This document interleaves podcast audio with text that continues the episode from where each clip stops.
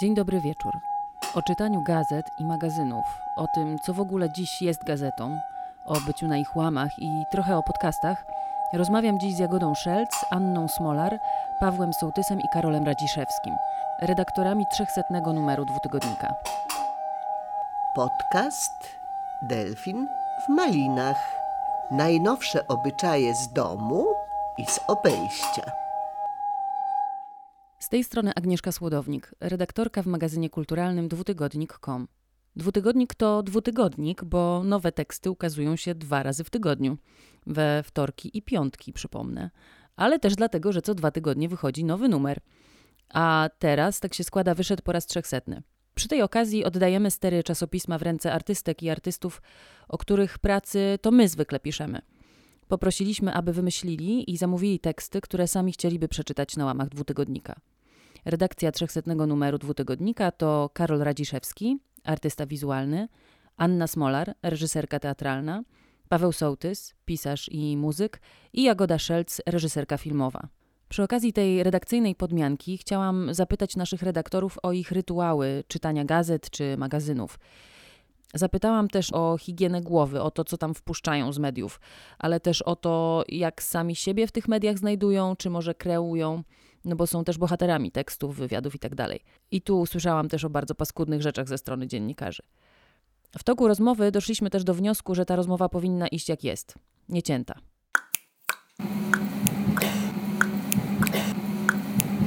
Ale zanim przejdziemy do tej rozmowy, w związku z opublikowaniem właśnie przez Pseudotrybunał Konstytucyjny wyroku w sprawie aborcji, odsyłam Was do poprzedniego odcinka Delfina, w którym rozmawiałam z Pauliną Jędrzejewską i Piotrem Grabowskim z Fundacji Culture Shock oraz z Natalią Saratą z Regenerakcji na temat wypalenia aktywistycznego. Dużo mówiliśmy o tym, jak je wyłapać, w ogóle zauważyć, y, co robić, gdy już jest, ale też przede wszystkim, jak do niego nie dopuścić. A że uczestniczymy w maratonie aktywistycznym, co teraz jeszcze bardziej widać, e, to bardzo ważne jest, żeby zadbać o siebie w nim, żeby się nie spalić i móc działać dalej. Także polecam Wam też dziś ten poprzedni odcinek. A teraz już Jagoda Szelc, Paweł Sołtys, Anna Smolar i Karol Radziszewski. Słuchajcie, tak się zastanawiałam yy, nad tymi tematami gazet. E, I tak sobie przypomniałam taką sytuację, e, nie żeby od razu jakąś taką nostalgię iść, ale rzeczywiście było tak, że jak byłam w liceum, to szłam do takiego Empiku i tam były te wszystkie gazety, właściwie nie gazety, tylko magazyny poetyckie, bo pisałam wiersze wtedy i bardzo mnie interesowała taka sytuacja, że są jakieś miejsca drukowane, w których e, jest garść osób, która się zajmuje wyłącznie tym i gdzie są e, drukowane ogłoszenia o tym, że są jakieś konkursy poetyckie. E, I tam nagle się okazywało, że na tych kilku półkach w tym jednym miejscu czy kilku miejscach w Warszawie jest jakiś świat w ogóle osobny, który jest jednocześnie jakimś tam moim wąskim światem. E, I się zastanawiałam, czy w ogóle wy mieliście coś takiego kiedyś, wcześniej, nie wiem, e, taką relację z jakąś taką gazetą czy miejscem, magazynem, która, no właśnie, że się utożsamialiście, że tam znajdowaliście coś, czego wam brakowało gdzieś indziej i się identyfikowaliście z tym miejscem, czekaliście, aż wyjdzie następny numer. W ogóle macie takie doświadczenia z wcześniej? Nie wiem, Jagoda, chcesz zacząć, bo ty jesteś tutaj z tym okiem, więc Gwoli wyjaśnienia, Jagoda miała e, tego dnia małe limo, e, ale deklarowała, że pochodzenia nieprzemocowego. E, ponieważ jestem z okiem, to chcę powiedzieć, że było takie jedno pismo. Ja, może tak. To, to pismo się nazywało Glissando. I to było pismo, którego literalnie połowy artykułów nie rozumiałam, ale wtedy jakoś pasjami strasznie pis, to pismo kupowaliśmy, bo to z taką grupą znajomych i tam obczytywaliśmy to, próbując tam dociec o co tam, co po niektórych artykułach e, o co chodzi, ale to był raczej taki e, snobistyczny odruch. No nie wiem, no, e, wszystko się czytało jakoś tak. Czy, ja jestem wychowana z takiego domu, w którym się czytało fakty, mity i nie, także na grubo raczej. Ale nie wiem, czy dawałam odpór, trochę dawałam odpór podczytując też tygodnik powszechny ale to w ramach buntu. Słuchaj, no nie wiem, no różne, już się, y, y, co tam jeszcze było? Radziszewski, co tam jeszcze było, jak myśmy byli y, młodzieżą, się czytało? No nie wiem, bo ja właściwie polskich magazynów za bardzo nie czytałem. Ja raczej czekałem aż do. No a nie polskich, wiesz, jakby. Dotrze raz na parę miesięcy The Face magazyn i będą zdjęcia e, Timansa i modowe jakieś w ogóle, wiesz, które tam jeszcze się mogły pojawić, żeby zobaczyć coś innego niż właśnie pod koniec lat 90. E, w Białymstoku w kiosku. Smutne były te wszystkie magazyny strasznie jakoś, albo książki czytałem, albo właśnie na te zagraniczne magazyny czekałem. Z fotografiami przede wszystkim. Były bardzo smutne. Layout był bardzo taki smutny, taki. Wszystkie one były takie mniej więcej, no. Paweł Sołtys. Wiesz co, to e, właściwie e, przez całe życie, ale to różnymi falami, bo e, jako młody chłopiec byłem fanatykiem sportu, więc kupowałem wszystkie sportowe gazety, jakie były, tam przegląd sportowy codziennie, piłkę nożną, magazyn sportowiec i tak dalej. Do pewnego momentu to właściwie mój był główny e, kontakt e, z prasą, ale też mój ojciec e, przynosił gazety i ponieważ no tak nie było co robić za bardzo, więc jeśli nie grałem w piłkę akurat, to czytałem, co tam ojciec przyniósł, więc czytałem politykę nagminnie, jeszcze taką wielką papierową, to wy nie pamiętacie, bo jesteście młodsi wszyscy. No tam jakieś Dzięki. kulturalne gazety i tak dalej. Mhm. No a potem, kiedy i to było w ogóle odświeżające, no bo y, na przykład czytałem w wieku 10 lat Słojewskiego, czy tam jakichś innych klasyków felietonu kulturalnego, o których już wszyscy zapomnieli dzisiaj, ale myślę, że to było też pod względem choćby, nie wiem, zasobu słów, jaki człowiek ogarniał, to to było mm, ciekawe. Ja byłem fanatykiem gazet, właściwie do dzisiaj jestem, a pamiętam, że gdzieś już w latach 90. to już były jakieś tam moje takie rzeczy, no to na pewno literatura na świecie, i to mhm. oczywiście, tak jak powiedziała Jagoda, to miało jakieś e, znamiona snobizmu, ale z drugiej strony był to kontakt z taką literaturą. Właściwie nie miało takiego kręgu towarzyskiego, literackiego ja nie miałem zupełnie, tylko rodziców i tam kolegów, z którymi grałem w piłkę, no to to był kontakt w ogóle z zupełnie inną literaturą niż taką, jaką tam można było w szkole spotkać i tak dalej. I odkrywanie jakiejś, nie wiem, awangardy radzieckiej, czy, czy, czy jakichś szalonych Czechów, czy innych Amerykanów, nie wiem, narkomanów, o mhm. których nie wiadomo skąd. Znaczy, no nie mógłbym się dowiedzieć żadnej innej, więc pamiętam, że ta literatura na świecie to był totalny cios dla mnie. Znaczy, każde zetknięcie to po prostu co, co dwa miesiące objawienie, bo to wtedy chyba był dwumiesięcznik, o ile pamiętam, ciągle jest. A z trzeciej strony to jest to, co ty powiedziałaś, to znaczy ja wierszy nie pisałem, a przynajmniej oficjalnie się nie przyznaję do tego, Natomiast y, napisałem opowiadania, więc mnie interesowało, że są jakieś takie dziwne gazety, gdzie się drukuje opowiadania młodych ludzi i więcej jeszcze ktoś tam je omawia, mówi co jest dobre, a niedobre. I kupowałem na przykład, y, no kupowałem e, Fa Art mhm. i kupowałem, albo, albo czytałem w Empiku, bo często nie miałem pieniędzy, bo byłem biednym człowiekiem wtedy.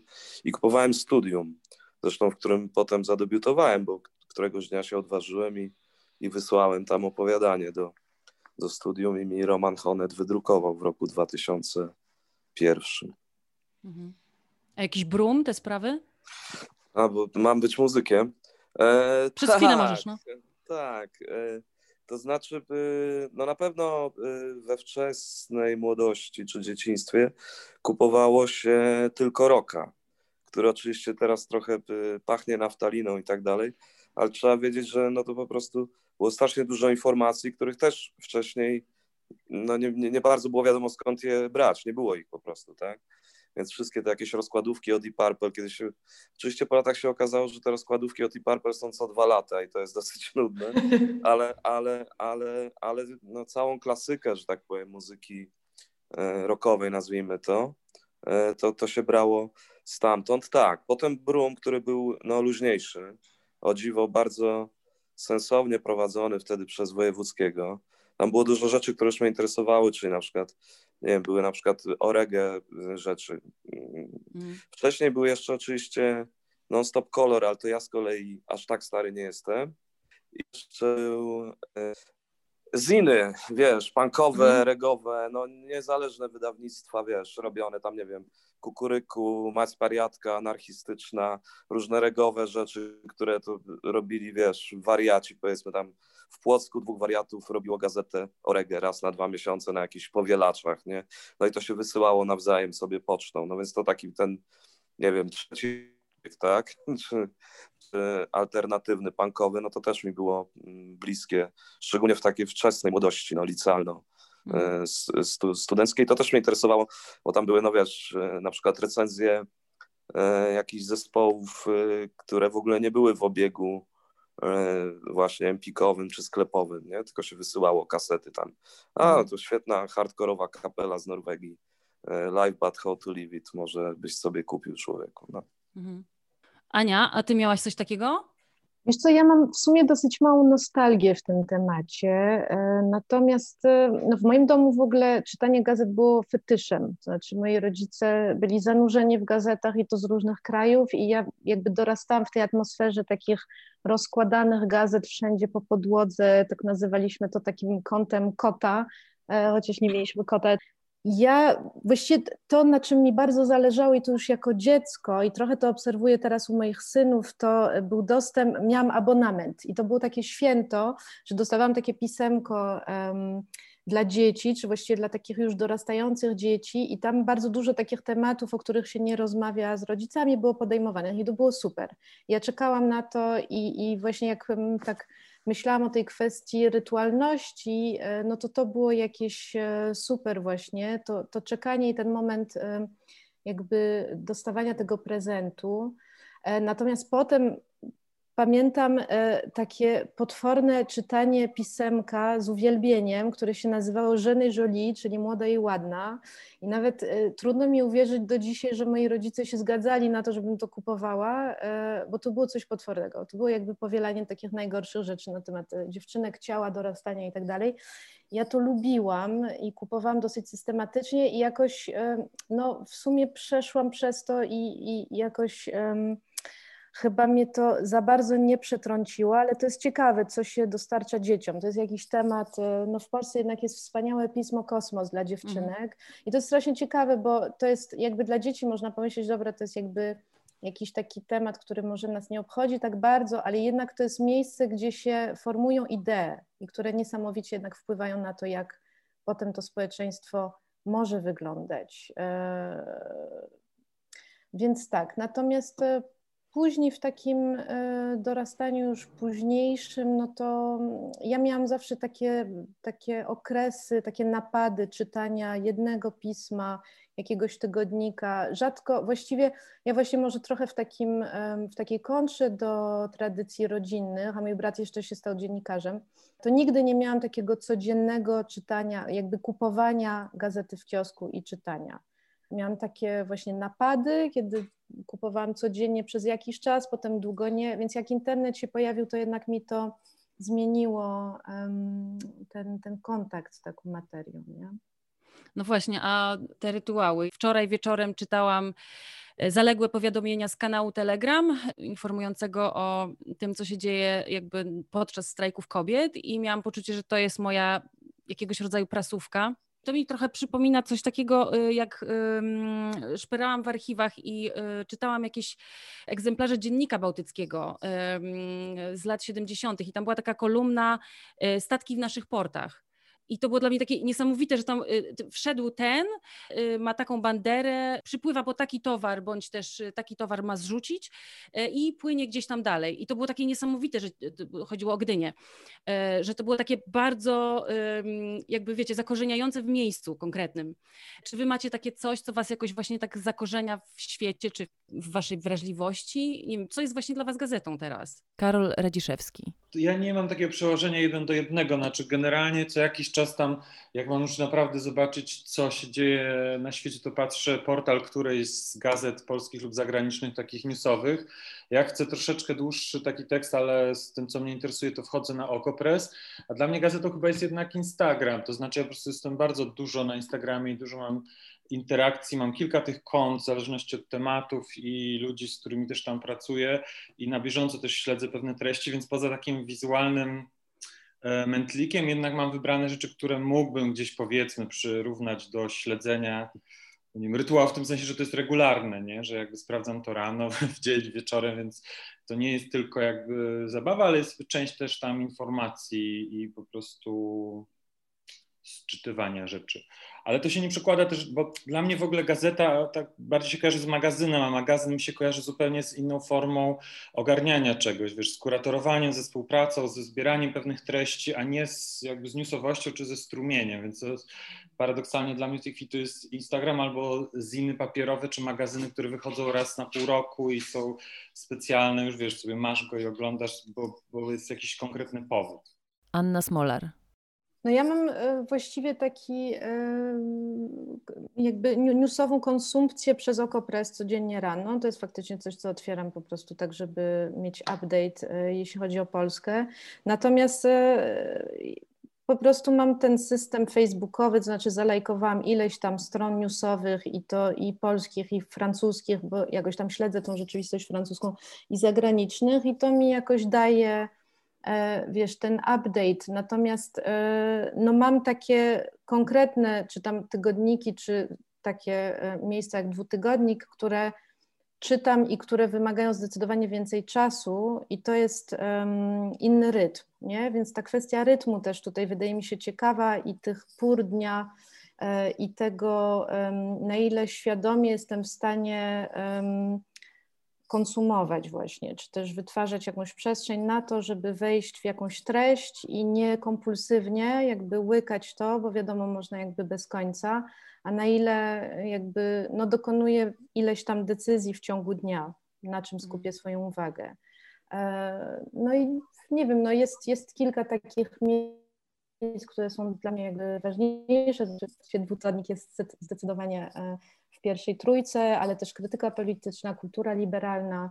E, no, był taki okres, kiedy zaczynałam dzień od e-teatru i to jest jednak takie miejsce, jakby gdzie można e, dostać bardzo dużo informacji na temat tego, co się dzieje, e, ale no, od jakiegoś roku już tam zaglądam może tylko raz w tygodniu, no bo po prostu jakość się zdecydowanie zmieniła mhm. z różnych przyczyn. Słuchacie Delfina w Malinach Rozmawiamy o najnowszych obyczajach. Jagoda Szelc. No to tak, ja bym tak powiedziała, że podobnie do Ani, chyba i do Karola, ale w ogóle chciałam poruszyć taki temat, że nie wiem, czy wy też tak macie, ale są, y, że są całe takie celebry wokół tego, że się na przykład obrażacie na jakąś gazetę i że już nie będziecie jej czytać, i że się je tak strasznie upodmiotawia i tak e, personifikuje tę gazetę. Ja pamiętam z mojego domu rodzinnego, że się tam obrażali na rzepę później nie czytali, a później ją znowu czytali. To jest jedna rzecz a druga to jest, więc ja mam bardzo niezdrowy stosunek do, y, do magazynów, gazet i w ogóle do. Ja mam na odwrót, ja czytam kompulsywnie, bez sensu, wszystko, jeden artykuł odsyła mnie do drugiego, mija 7 godzin, ja jestem odwodniona, nie mam już, nie mam już w ogóle, już mam popękane usta i dopiero wtedy się orientuję, że należy przerwać te kompulsje.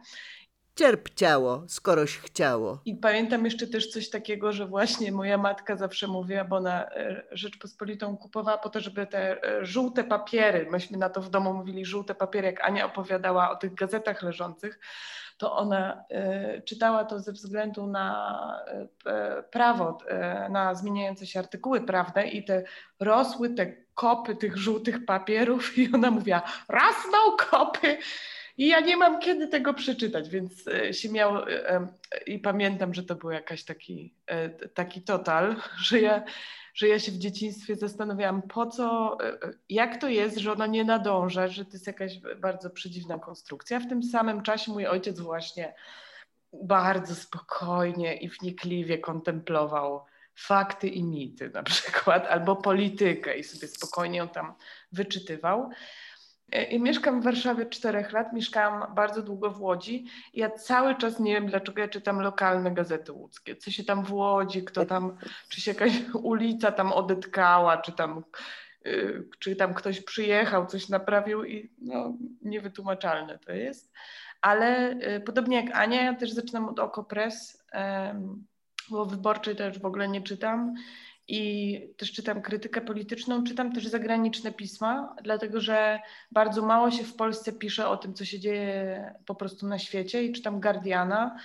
E, i, e, i jakoś daję radę językowo, bo to też e, jeszcze tam o tym snobizmie tych gazet, bo tak fajnie bardzo mówił Paweł o tych, że fajnie zaczął o tych pismach sportowych, bo my naprawdę chyba czytamy różne rzeczy niż ludzie by się po nas spodziewali właśnie.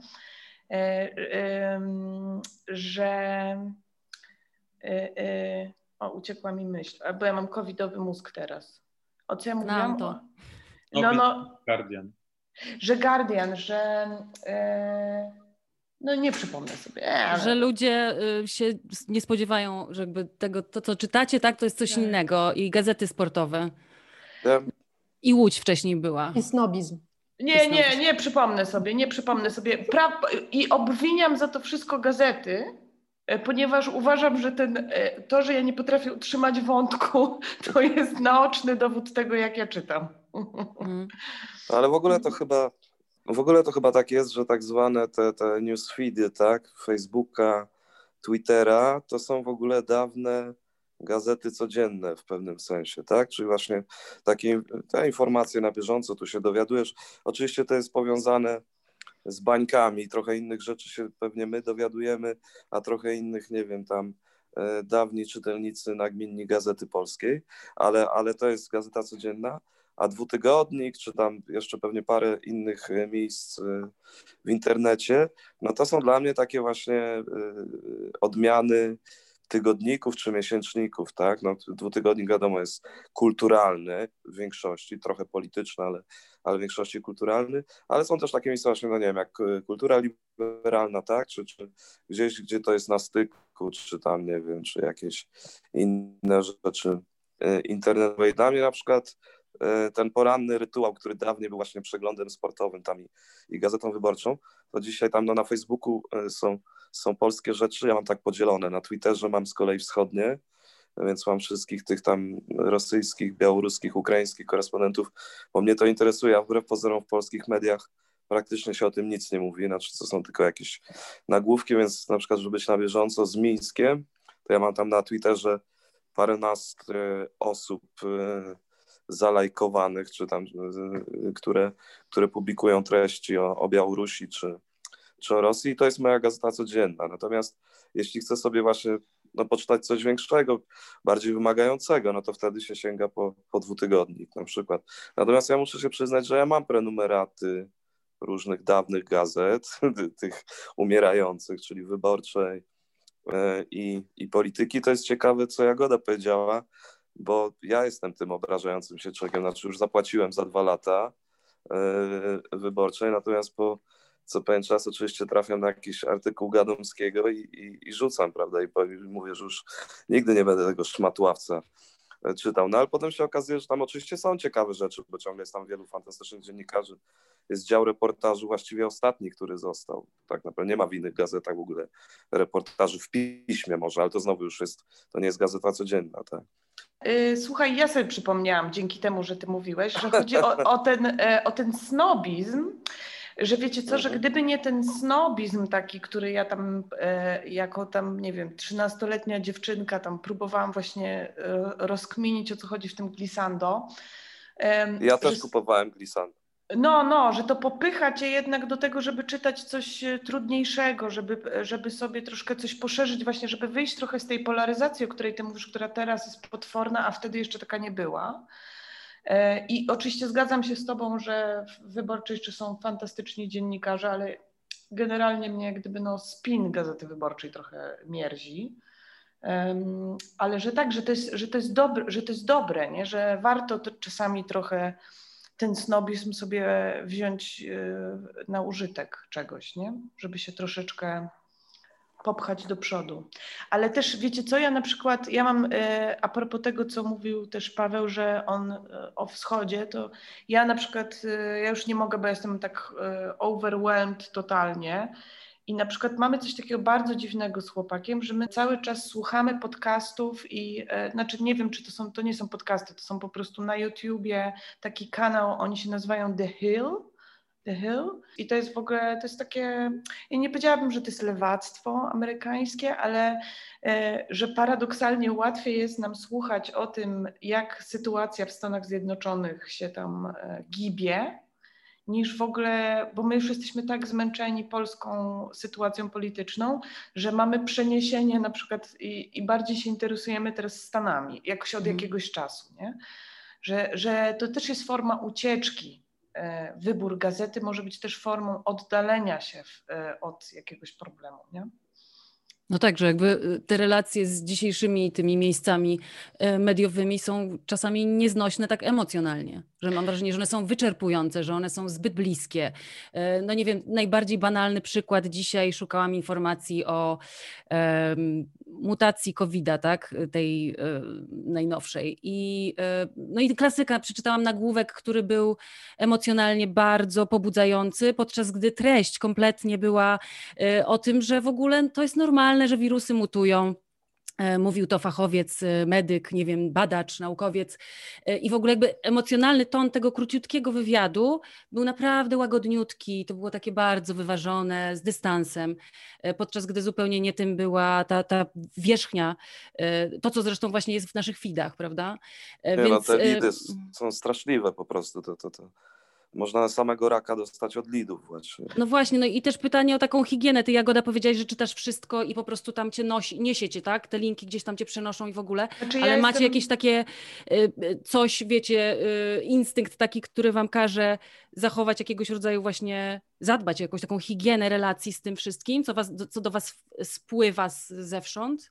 Tak, no ja w ostatnich latach właśnie próbuję to obserwować w sobie, jak, jaka jest reakcja w ogóle fizyczna moja na, na, na, na, teksty, które czytam, a w szczególności w takich okresach, wiecie, no, kiedy coś się dzieje wstrząsającego. E, zresztą to już są badania na ten temat, że czytając gazety, konsumując jakby treści medialne, można przeżyć coś, co jest jakby taką zapośredniczoną traumą. I jakby budow- znaczy takie wytwarzanie w sobie jakiegoś dystansu, czy przynajmniej tej uważności w tym, jak reagujemy na to, pozwala lepiej tak naprawdę też sobie radzić z tą treścią i też jakby w związku z tym intelektualnie lepiej do tego podchodzić. Ja pamiętam na przykład, jak był e, Marsz Równości w Białymstoku w 2019 e, roku chyba, nie? Który był taki super przemocowy. E, ja pamiętam, że siedziałam przy internecie i po prostu czytałam wszystko, oglądałam wszystkie tam jakieś rejestracje tego marszu i przez kilka dni miałam złe sny w nocy i byłam w bardzo złym stanie i w związku z tym też jakby no, moje podejście powiedzmy takie merytoryczne do tego, co tam się działo, było, wiecie, no, rozlało się po podłodze, nie? I to jest coś, no też na jesieni miałam też takie momenty, kiedy już te działania policyjne były takie hardkorowe y, i można było naprawdę oglądać, no, po prostu live, jak posłanka dostaje um, gazem po oczach. I pamiętam taki moment, że siedziałam już czwartą godzinę przy internecie. Jeszcze byłam na tym proteście tego dnia, potem wróciłam do domu totalnie nakręcona i na tej adrenalinie oglądałam. Jeszcze oglądałam live koleżanki na Instagramie, która też dostała gazem po oczach. No i wiecie, jakby byłam w stanie totalnego roztrzęsienia. I to mój mąż w momencie powiedział mi tak dosyć autorytarnie: odstaw to. I było mi trudno zasnąć, i następnego dnia pamiętam, że sobie zrobiłam taki dzień totalnie bez dostępu do internetu, nie? że przychodzi taki moment, kiedy to jest kontrproduktywne, to nic nie daje, bo to jest też kwestia w ogóle ten nasz kontekst z newsami czy z światem e, też odwołuje, odsyła nas do takiego poczucia, nie wiem, odpowiedzialności E, i też gdzieś tam pracuję na poczuciu winy, nie? że jak się dzieje coś ważnego, to musimy być podłączeni, nie tylko dlatego, że to nas interesuje i chcemy w tym uczestniczyć, a dlatego, że mamy poczucie, że inaczej, odłą- znaczy ja tak mam, że odłączając się um, dokonuję jakiegoś zaniechania, jestem bierna, wiesz, no ale to jest, to jest złożona sprawa, to znaczy jak, jak to dozować, żeby to przynosiło coś dobrego, a nie przewaliło się w drugą stronę. Więc to też się łączy z jakąś kondycją psychiczną. To chciałam powiedzieć, że są okresy, kiedy ja wiem, że nie jestem w stanie przyjmować tego, co się dzieje. Nie? E, jak się działo ten kapitol, pamiętam to, mm, byłam w takiej formie, takiej, takiej trochę, no, no nie byłam w najlepszym stanie, i czułam, że no mogę 15 minut popatrzeć na te obrazy, e, ale już nie czytać, nie? że faktycznie jakby te słowa używane potem, te lidy właśnie, że to już jakby e, triggeruje mnie za bardzo, no? że, że za bardzo w sensie czy potem jestem w stanie funkcjonować tak, jakbym chciała funkcjonować wobec ludzi, wobec których, nie wiem, mam zobowiązania, no i też wobec samej siebie, bo też jakby chodzi o to, żeby siebie, swoje granice jakoś tak uchować, więc jakby teraz odwrócić sytuację. Wy jesteście też bohaterami e, tych miejsc, występujecie, no tak jak teraz jesteście też w tej sytuacji trochę, tak? E, zastanawiam się, czy macie właśnie jakieś, dozujecie sobie siebie w mediach, opiekujecie się sobą w tej relacji z, nie wiem, dziennikarzami e, i z tymi wszystkimi sytuacjami, czy, czy freestyle i w ogóle po prostu potrzeba chwili, nie wiem, jest premiera, jest jakieś wydawnictwo, jest coś tam i płyniecie? To jest w ogóle jakiś temat? No to jest to temat, to znaczy, kiedy się żyje e, z uwagi ludzi, tak jak ja, no ja żyję z tego, że ktoś kupi moją płytę, przyjdzie na koncert, więc musi wcześniej wiedzieć, że ja istnieję, tak? Czy, czy, czy, czy, czy kupi książkę, więc w związku z tym, jak wychodzi płyta, nie czy, czy teraz wychodzi książka, no to jest cały ten taki obieg medialny się zaczyna robić. Oczywiście można nim mniej więcej sterować, ale z drugiej strony, no to też nie jest tak, że, e, że można jakoś bardzo, bardzo wybrzydzać, no bo człowiek chce, żeby ludzie się o nim dowiedzieli, żeby kupili te, te, te płytę i żeby mógł sobie potem on kupić bułki, tak, no to jest dosyć, dosyć proste. No i ten obieg oczywiście jest bardzo różny, to znaczy szczególnie jeśli chodzi o muzyczne rzeczy, to jest bardzo różne poziomy są dziennikarstwa, powiedziałbym od y, bardzo fajnych rozmów do rozmów absolutnie kuriozalnych. Ja oczywiście jestem miłym, kulturalnym człowiekiem i, i nie, nie zdarzyło mi się chyba zerwać żadnej rozmowy. Natomiast wielokrotnie y, wiedziałem po zakończeniu tejże rozmowy, że nie miało to żadnego sensu ani dla mnie, ani prawdopodobnie dla, dla odbiorców, no ale trudno, to już się odbyło. Oczywiście najstraszniejszą rzeczą na świecie jest, kiedy się ukaże wywiad z tobą w jakimś dużym medium, typu, nie wiem, tam właśnie Onet albo Gazeta Wyborcza i e, ci ludzie, którzy spędzają życie na komentowaniu tego typu rzeczy, to komentują, a ty to zaczynasz czytać.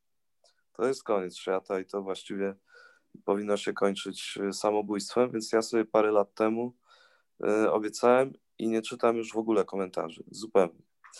E, nawet jak wydałem książkę, na początku mnie bardzo interesowało, co tam ludzie o tej książce piszą, tacy zwykli ludzie, znaczy nie recenzenci, tylko co ludzie piszą w internecie na stronie tam powiedzmy biblionet.pl, czy, czy lubimy czytać, ale też po jakichś dwóch miesiącach doszedłem do wniosku, że y, będę miał bardzo poważne załamanie nerwowe przez to i, i, i zaprzestałem i zupełnie się odciąłem od tego, więc nie lubię i staram się nie czytać o sobie. Oczywiście muszę brać udział w tym medialnym, no nie wiem jak to powiedzieć, kołowrotku, tak, bo, bo chcę sprzedawać płyty, chcę sprzedawać swoje książki. Natomiast y, kiedy już, nie wiem, udzielę tego wywiadu i tak dalej, to staram się do tego zupełnie nie wracać, bo to jest y, toksyczne.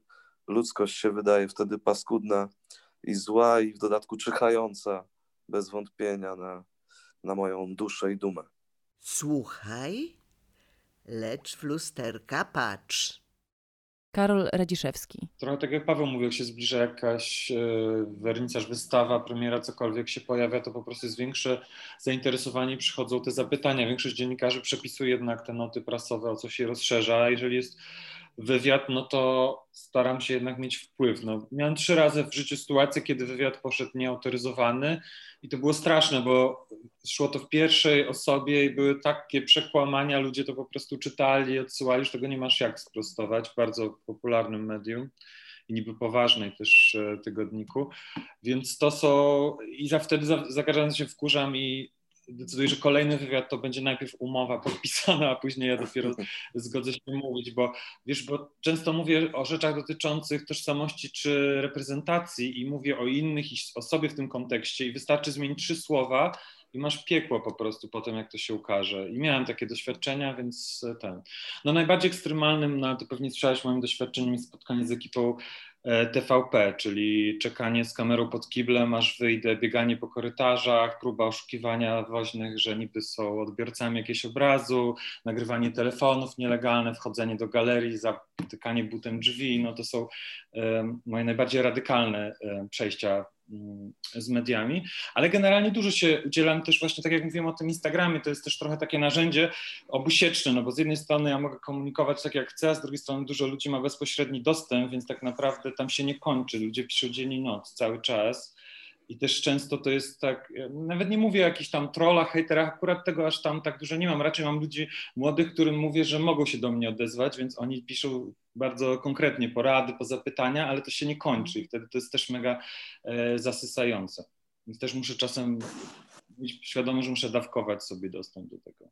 A to są takie te sytuacje ekstremalne, Karol, to jest, to jest taka okazja, znaczy nie wiem, tak? Y, czy to jest też okazja do tego, żeby się jakoś e, odciąć, czy też no, mieć dystans do takiej swojej e, persony medialnej? W moim przypadku to nigdy się tego nie dało oddzielić, dlatego że wszyscy stosują taki żargon autentyczności. Właśnie jak robisz sztukę dosyć e, dla ludzi na kontrowersyjne tematy albo dotyczącą tożsamości, to nawet jeżeli ja często myślę, że duże rzeczy, które robię są konceptualne, to ludzie jeden do jednego traktują to jako moje życie i jeżeli coś pada, to właśnie w takiej formie, więc na przykład to przychodzi rykoszetem, ja mogę się odciąć, ja nie oglądam tych programów TVP, ale na drugi dzień po prostu telefony od mamy, wiesz, tam piszą, ja już się na to mm. znieczuliłem 10 lat temu powiedzmy, bo największy taki hardcore miałem po wystawie Siusiu w Torcik w Zachęcie, gdzie były interpelacje poselskie, non stop telefony i moja mama naprawdę z płaczem y, dzwoniła, bo ona wszystko to czytała jeden do jednego, że zwolnił dyrektorkę, że zaraz tu będzie coś się działo. E, a ja już się wtedy na to odporniłem, więc teraz nawet jak czytam czasem te komentarze, chociaż też staram się tego nie robić, no to mam do tego powiedzmy dystans, natomiast nie, nie da się tego tak e, wydzielić, bo to wchodzi w twoją, wiesz, na przykład TVP ukradło z wideo i zdjęcia z mojego prywatnego profilu i opublikowali je na w głównym kanale po wiadomościach i na drugi dzień jakby znajomi to oglądali zmanipulowany z przekleństwami, z czymś jako moją personalną wypowiedź dla telewizji, więc to w ogóle, wiesz, nie masz jak oddzielić. Też wtedy doświadczyłem takiego, wiesz, bo ja nie jestem celebrytą, więc mnie też nie spotyka to tak często tego typu ingerencja, ale wtedy ta ingerencja medialna i stopień manipulacji i przekaz, który jest wytworzony, niby cię nie dotyczy, ale ludzie reagują tak jakby rzeczywiście, nawet przyjaciele myślą, no tak, no ale wiesz, no w sumie powiedziałeś, czy coś, wiesz, że jakby się zaczynasz mm. czuć, że to twoja wina. To kawkowskie wręcz. Ale to trzeba powiedzieć, że no, trudno też nazywać, no nie wiem, TVP Info, czy, że, że to są dziennikarze. No, to jest jakaś faszystowska jaczejka i w ogóle nie ma o czym tak, gadać. Znaczy, to jest zupełnie inne doświadczenie, bo to jest po prostu, z, nie wiem, jakieś starcie z, z totalitarnymi skurwysynami, a nie dziennikarstwo. No. No tak, ale wychodzi na to, że jest jakby jednak przyjmowane jako, że wiesz, że to, co, to, co e, niosą, jest przyjmowane przez ludzi jako prawda, tak? I, i wtedy no zaczyna, tak, być, tak. zaczyna być dziennikarstwem niby w głowach, tak?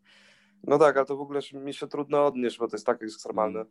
Na no szczęście tak. nie, nie miałem takich sytuacji, bo oczywiście można powiedzieć, ja się irytuję bardzo często to, co Karol powiedział, e, że te, te teksty, które się ukazują, mają się często nijak do tej rozmowy, którą ja przeprowadziłem. Mnie na przykład triggeruje totalnie e, próba umłodzieżowienia, ponieważ ja się zajmuję muzyką, to niektórym dziennikarzom się wydaje, że ja powinienem mówić jakimś takim muzykiem, językiem młodzieżowym, tak? bo młodzi ludzie tego słuchają. I prowadzimy jakąś tam poważną rozmowę. Ja akurat mam taki sposób mówienia raczej nawet dziaderski, powiedziałbym. I potem czytam te wszystkie, y, to jak mi się wydaje, jak młodzież powinna mówić, tak? Tak może trochę y, y, luzując tą, tą, tą, tą, tą sytuację, potem się okazuje, że ja w wywiadzie, nie wiem, tam dla powiedzmy tygodnika powszechnego mówię spoczko luzik. No nie, raczej bym nie powiedział spoczko luzik. To nie jest to, nie jest to czego używam na co dzień i to mnie na przykład totalnie tam y, irytuje. Natomiast no to, co powiedział Karol, to już jest, jakieś ekstremum i tak naprawdę to wzbudza we mnie y, krwiożercze instynkty. To już naprawdę nie jest żadne dziennikarstwo, tylko, tylko próba, nie wiem, linczu medialnego, tak? No tak, ale właśnie jak zaczepia się twórczość z, z, prywatnością, czy na przykład właśnie seksualnością, no to wtedy, czy to jest jakieś one, czy różne inne gazety, to wszyscy nakładają jakiś inny filtr na takiej zasadzie, że mogą sobie więcej pozwolić i ja potem czytam takie rzeczy, też jestem zszokowany. E, no, więc... Ja bym powiedział, że, że to jest jeszcze tak, że w ogóle różne media, oczywiście już właśnie nie, nie, nie mówmy o tej telewizji obecnej państwowej, bo, bo to jest jak siodot, ale w ogóle różne media mają swoje powiedziałbym koniki. i niezależnie czego ma dotyczyć, nie wiem, rozmowa, to y, wypunktowywane w wyblu y, wielkimi literami y, powtarzane są te fragmenty, które są dla nich ważne. To też mnie zawsze irytowało, że rozmawiam z kimś, nie wiem, dwie godziny o, o swojej nowej książce, albo tam, nie wiem, o XVIII wieku, a, a ten lit właśnie w Onecie czy, czy w gazecie to jest, że tam znany muzyk y, y, nienawidzi PiS, nie? czy coś takiego, bo, bo to im jest potrzebne, co w ogóle było jakimś marginalnym fragmencikiem, gdzieś, albo nawet tego nie było, gdzieś to jest dopowiedziane. I to też jest bardzo irytujące, bo to jest takie upupianie. Cokolwiek byś nie powiedział, czy powiedziała, to i tak powiesz w pewnym sensie to, co my chcemy, żebyś powiedział powiedziała, tak? Bo to damy na śródtytuł, to damy na, na lead główny, a wiadomo jak ludzie czytają tego typu sprawy. Bardzo często patrzą na ten lead i to jest właściwie już yy, wszystko. zamiatane. I to oczywiście w, tak, w zupełnie innej skali niż, niż w tej sytuacji, o której yy, Karol mówił, ale yy, to też jest w pewnym sensie przemoc. Yy, w, w naszej gazecie mamy cztery tory. Ludzie mogą być tacy, tacy i tacy nie mogą być gdzieś w poprzek tego i ten, tylko musimy ich do tego toru włożyć, tak? To jest powiedzmy anarchizujący tam antypisowiec, a to i tak dalej, i tak dalej. No to jest głupie i moim zdaniem to też y, w ogóle bardzo źle wpływa na y, jakość całej tej debaty medialnej. Bo to właśnie jest takie, że podzielmy się na te cztery tory i właściwie już między tym niczego nie ma. Znaczy nie ma ludzi, tylko są jakieś takie typy ludzkie, które się dobrze sprzedają e, w gazetach. No i tak masz, myślę, Paweł, szczęście, że tam e, masz taki lit pod tytułem Paweł Sołtys nienawidzi PiS, bo ja na przykład bardzo często mam takie, że mówię bardzo dużo o odwadze, o jakimś wychodzeniu z lęku i tak dalej, ale w kontekście tego, w kontekście jakiejś siły e, swojej, na przykład jako techniczki, nie? albo reżyserki i dostaje nagłówek na przykład już się nie boję. wiesz, to jest takie, znaczy, wiesz, to jest coś takiego, no i dlatego ja się na przykład nauczyłam, że ja po prostu również autoryzuję to. Ja mam bardzo długą historię naiwności z mediami e, i ja na przykład też autoryzuję te lity, także bardzo polecam, bo to jest nieznośne. A coś chciałeś powiedzieć? No chciałem powiedzieć, że y, tak sprawiedliwie y, mówiąc, to, to kobiety w ogóle mają jeszcze gorzej, bo to wiesz, jak jest dziewczyna, to połowa tych idów to jest jeszcze tam piękna Halina nienawidzi kij. dokładnie. piękna pan... Halina właśnie zwalczyła swoje lęki. Pamiętam taką to, to historię. Szczęście... Przepraszam, powiedz. Nie, no mów, bo ja, ja właściwie skończyłem. E, pamiętam taką historię o takiej dziewczynie, która przepłynęła świat dookoła sama i chyba w ogóle nawet kobieta z nią przeprowadzała wywiad i pierwsze pytanie, jakie jej zadała, to powiedziała taka piękna dziewczyna cały rok sama w podróży. E, e, to jest to więc... pismo, które czytałam w dzieciństwie. Młoda i piękna. Młoda, Młoda i piękna. Ale że ja na przykład, ja właśnie mam jakąś taką totalną e, i też e, przyjaciel kiedyś tak jak gdyby, no była straszna afera po tym, jak ja coś tam powiedziałam i że on powiedział, że ja wykazałam w ogóle okropną naiwność wobec mediów, nie?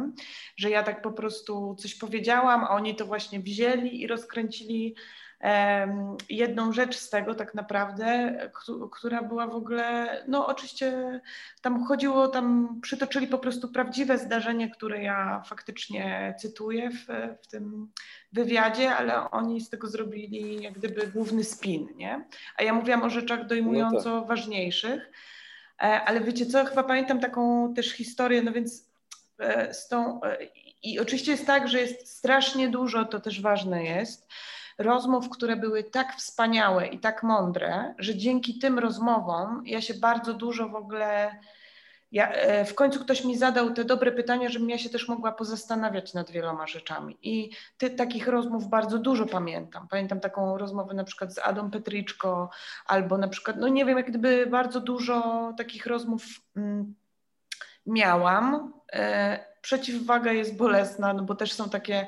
Pamiętam na przykład taką sytuację. E, może Wam opowiem, jak z niej wyszłam, bo ona jest dosyć śmieszna. Udzielałam wywiadu tuż przed Berlinale E, I, I powiedziałam w tej rozmowie, że e, aktorzy przygotowują się wraz ze mną i wiedzą, co robić, a ja reżyseruję film.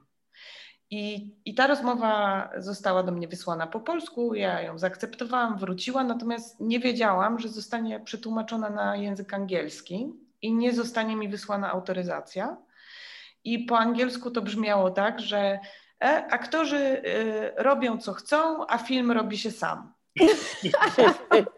E, I w sumie i ja byłam bardzo zła, dlatego że. Fantastyczny tłumacz. E, dlatego, że ja, e, to znaczy tu, my, trzy lata mojej bardzo ciężkiej pracy i bardzo też takiej rzetelnej, takiej technicznej, naumianej roboty, którą ja mam, bo to też jest bardzo trudno, dlatego ja mam cały czas mówię, że o sobie, że jestem dobrym technikiem, czy dobrą techniczką, że jestem liderką, bo, bo wiem, że dziewczyny czy studentki mają z tym problem i została przekreślona tym jednym zdaniem. Ale ja wtedy powiedziałam e, tej dziewczynie, której to, no, to niechcący wyszło, ktoś tam faktycznie w tym tłumaczeniu tego nie sprawdził, jej było bardzo przykro, że ja w takim razie żądam od niej, żeby ona ze mną zrobiła teraz dłuższy wywiad, za karę, że to nie zostało sprawdzone, w którym ja będę mogła powiedzieć o rzeczach, które są dla mnie ważne, bo ja w ten sposób wykorzystuję, znaczy to, co powiedział Karol, to jest jakiś totalny hardcore. Ja jak gdyby gdzieś też rozumiem, że ludzie czytają to trochę tak jak ja, czyli lewym uchem, prawym okiem. Ja też zrozumiałam chyba w zeszłym roku strasznie dużo, jak ludzie bardzo też gdzieś, no, jak można być bardzo niezrozumiałym, powiedzmy tak, i że ta, ja mam cały czas tą naiwność, ale jak, ponieważ ja nie lubię tej ekspozycji, ale sobie wmówiłam gdzieś, że, e, że dzięki tej ekspozycji ja mogę mówić dużo ważnych rzeczy, na przykład właśnie dla tych, którzy nie mają głosu. Nie?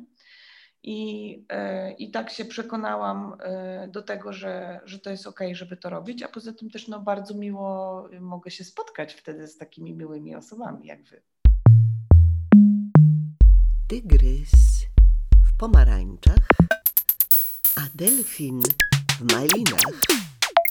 Anna Smolar. Ja z kolei lubię, e, lubię, lubię wywiady. Ja bardzo lubię radio, więc właściwie tak się zastanawiałam teraz, jak zadałeś to pytanie, e, że ja rzadko odmawiam jak tylko mogę, to, to wchodzę w to, chociaż jeśli chodzi o wywiady pisemne, to już bardziej się zastanawiam, dlatego że mam bardzo sztywny stosunek do autoryzacji, to znaczy ja długo pracuję nad autoryzacją, właśnie z tych samych powodów, o których e, Jagoda mówisz, to znaczy, że to jest okazja, żeby powiedzieć rzeczy, e, na których mi zależy w kontekście danego spektaklu, ale też w ogóle w kontekście jakiegoś myślenia no, o, o tej pracy, a co za tym idzie o, o, o stosunku do rzeczywistości, rzeczywistości przedstawianej. Nie? I, i też ta, ta, kwestia reprezentacji, o której Karol mówiłeś, też wydaje mi się strasznie ważna i, i tak mało omawiana i staram się ją precyzować i też mam takie doświadczenia, że dzięki wywiadom i tej, po tej potem samotnej pracy autoryzowania, gdzie czasami rozwijam jakąś ideę, mogę pogłębić myśl bardziej niż kiedy siedzę sama i gdzieś tam sobie, nie wiem, dumam albo robię notatki w zeszycie. E, więc ja sobie cenię różne takie spotkania, zwłaszcza z takimi ciekawymi e, osobami. Natomiast e, w tej mojej dziedzinie teatralnej paradoks polega na tym, że ten taki gorący okres medialny, kiedy jest najgorzej, najbardziej hardkorowo przed premierą, kiedy w ogóle nie mam na to czasu i kiedy fizycznie jestem zupełnie wycieńczona. I wtedy próbuję jakoś też obserwować, o jakiej porze dnia e, jestem w stanie naprawdę autentycznie udzielić wywiadu i najczęściej to robię po prostu wcześnie rano przed próbą, bo wtedy mój mózg e, bardzo dobrze działa i najczęściej odmawiam e, takich późnych pór i zdarzało mi się zgodzić na jakiś tam, tam wywiad. No nawet ostatnio robiliśmy, słuchajcie, streaming Pinokia w ten weekend i streaming spektaklu to jest strasznie ciężka robota, która trwa kilka dni i potem jest to potworne ciśnienie i brak czasu i gramy na żywo i te kamery i tak dalej. E, I zgodziłam się na to, żebyśmy w ramach Nowego Teatru mieli rozmowę, no to nie jest wywiad, ale to, to była rozmowa z autorem, który jest też reżyserem francuskim, czyli Joël Pomra e, i Piotrem Gruszczyńskim. E, I to była godzina, godzina 20 i słuchajcie, no ta rozmowa trwała ponad godzinę.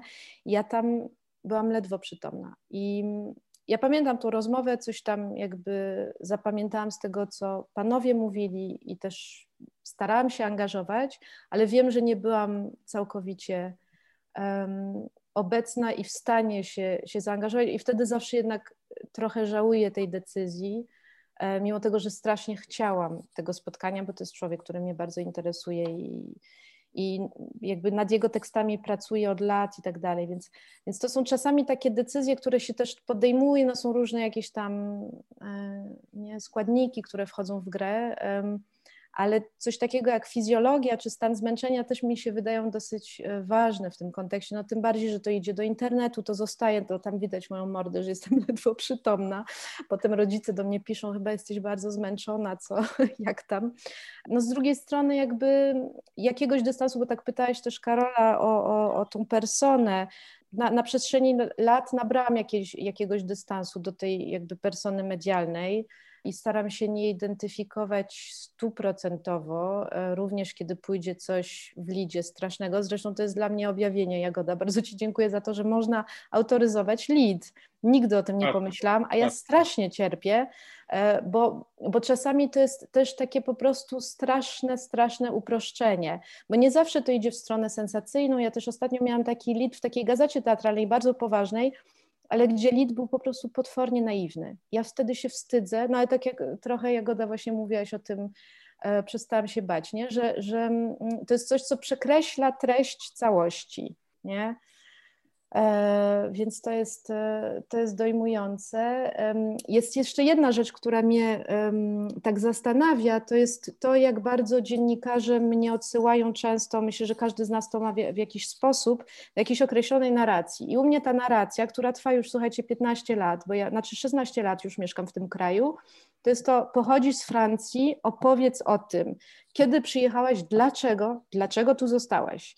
Ja muszę cały czas udowadniać, dlaczego warto być w Polsce, w ogóle co to jest za decyzja, e, co tu dobrego mnie spotkało, kim są moi rodzice i tak dalej. I za każdym razem sobie jakby obiecuję, że w momencie, kiedy dziennikarz zada to pytanie, powiem, przepraszam, ale chciałabym już nie odpowiadać na to pytanie, bo wydaje mi się, że już często o tym opowiadałam, a dla tych, którzy nie wiedzą, no, jeśli naprawdę ich interesuje jakoś mój życiorys, to znajdą w internecie, ale w pewnym momencie trzeba wyjść z jakiegoś powielania też tych takich, e, no nie wiem co to jest nawet, bo rozumiem ciekawość, ale są granice tego, jak bardzo można się powtarzać, nie? E, wiesz co, chyba Ania, to jest chyba brak pomysłu czasami na, na rozmowy z nami, wiesz? Mm. Wydaje mi się, że to jest z tego powodu oni się czasami ciebie, czy one, oni się ciebie pytają o to. Tak, tak, na pewno. Chociaż potem wiesz, zdarza się, że padają potem absolutnie świetne pytania, nie? Tylko to tak jak gdyby było coś takiego obowiązkowego, żeby tak od zera wszystko podsumować. No, to jest tak naprawdę to jest bardziej kwestia jakby o mnie, czy jestem w stanie jakby postawić te granice i czy w pewnym momencie można powiedzieć, no na to nie odpowiem. Ja teraz na przykład coś, co ja robię i to już kilka lat, jeśli się pojawia, znaczy w Polsce to już dawno mi się nie zdarzyło, ale jeśli się pojawia pytanie, e, byłaś asystentką Jacques Lasala albo Krystiana Lupy, czy możesz o tym opowiedzieć? No to ja już jakby odmawiam odpowiedzi na to pytanie, bo odsyłanie mnie do mistrzów i tak dalej to jest coś, czego już nie robię. I to mnie spotkało z kolei, no właśnie w Polsce już dawno nie, ale e, rok temu pracowałam w Wilnie w Teatrze Narodowym, no i litewska dziennikarka mnie zapytała to, tym bardziej, że tam Krystian Lupa jest e, też e, bardzo obecny. I odmówiłam. Po prostu przeprosiłam grzecznie i powiedziałam, że, że wolałabym to pytanie pominąć. Chyba się dzisiaj czegoś od ciebie nauczyłam. Nawzajem. Super. To co, będzie, będziecie autoryzować lead y, opisu podcastu, co? Tak.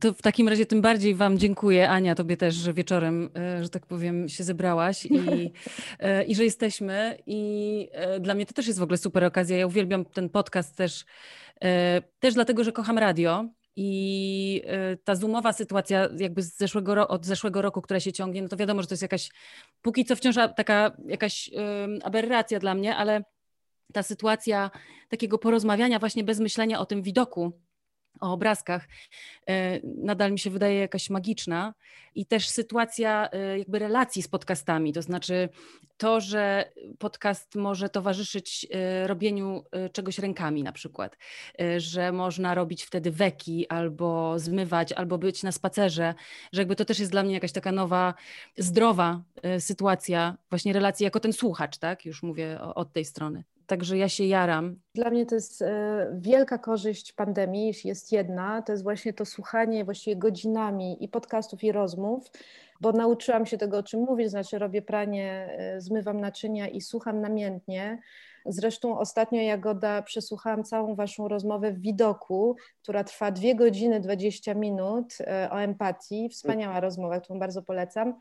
E, I słuchałam ją na raty, idąc ulicą albo właśnie zmywając naczynia.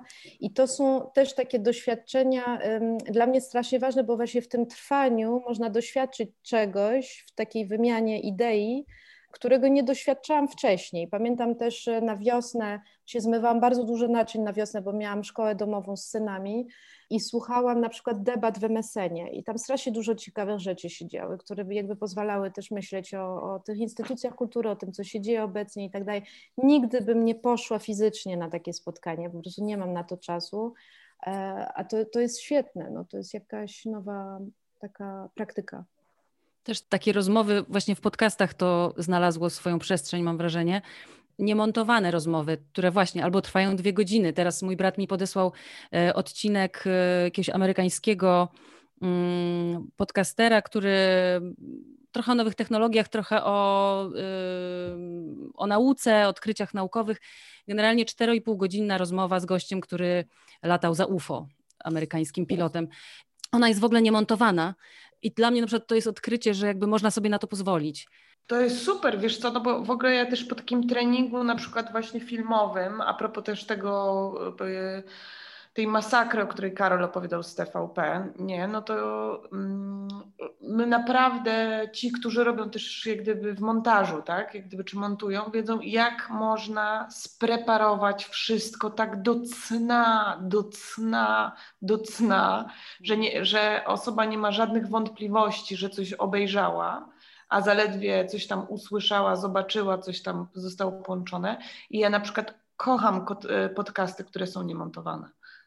Uważam, że to jest w ogóle, ja bym powiedziała, że to jest na jakimś poziomie rasowe. Mhm. Wiesz o co chodzi, nie? W takim sensie y, tak to powinno wyglądać, nie? To jest y, y, freedom of speech, nie? Tak na takim poziomie.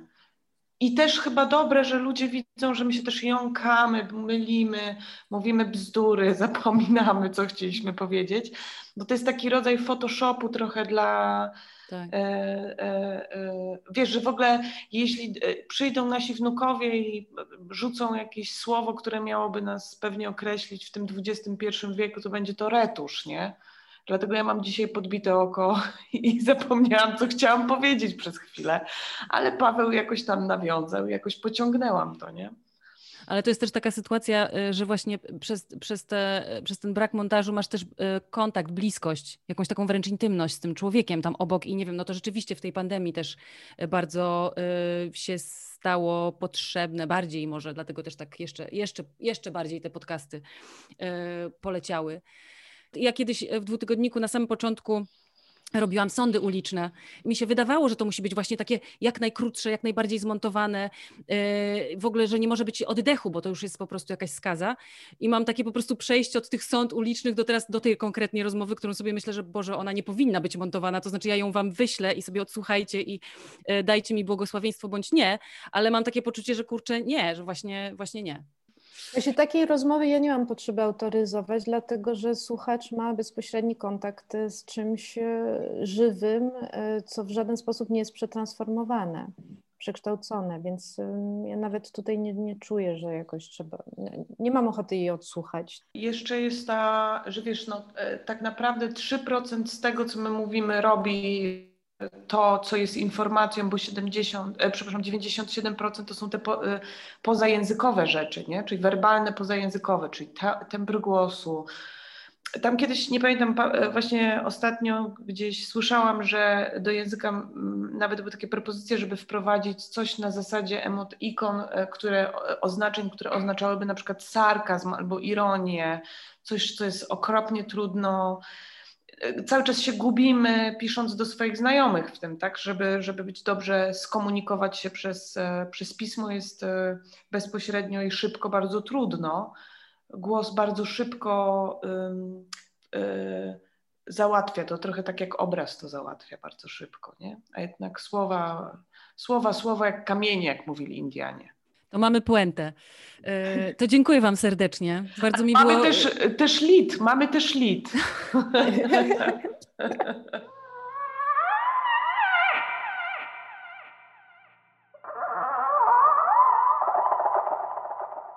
Trzechsetny numer dwutygodnika, redagowany przez moich dzisiejszych rozmówców, znajdziecie na stronie.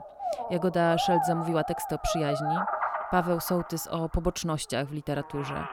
Karol Radziszewski eksploruje tematykę queer, a Anna Smolar tematy gaslightingu i female gaze. Słuchaliście podcastu Delfin w Malinach, magazynu kulturalnego dwutygodnik.com. Scenariusz i realizacja Agnieszka Słodownik. Lektorka Maria Maj. Redakcja dwutygodnika to Zofia Król, Paweł Soszyński, Maciej Jakubowiak, Piotr Kowalczyk, Anna Pajęcka, Agnieszka Słodownik, Jakub Socha i Paulina Wrocławska. Wydawca Dom Spotkań z Historią. Styczeń 2021.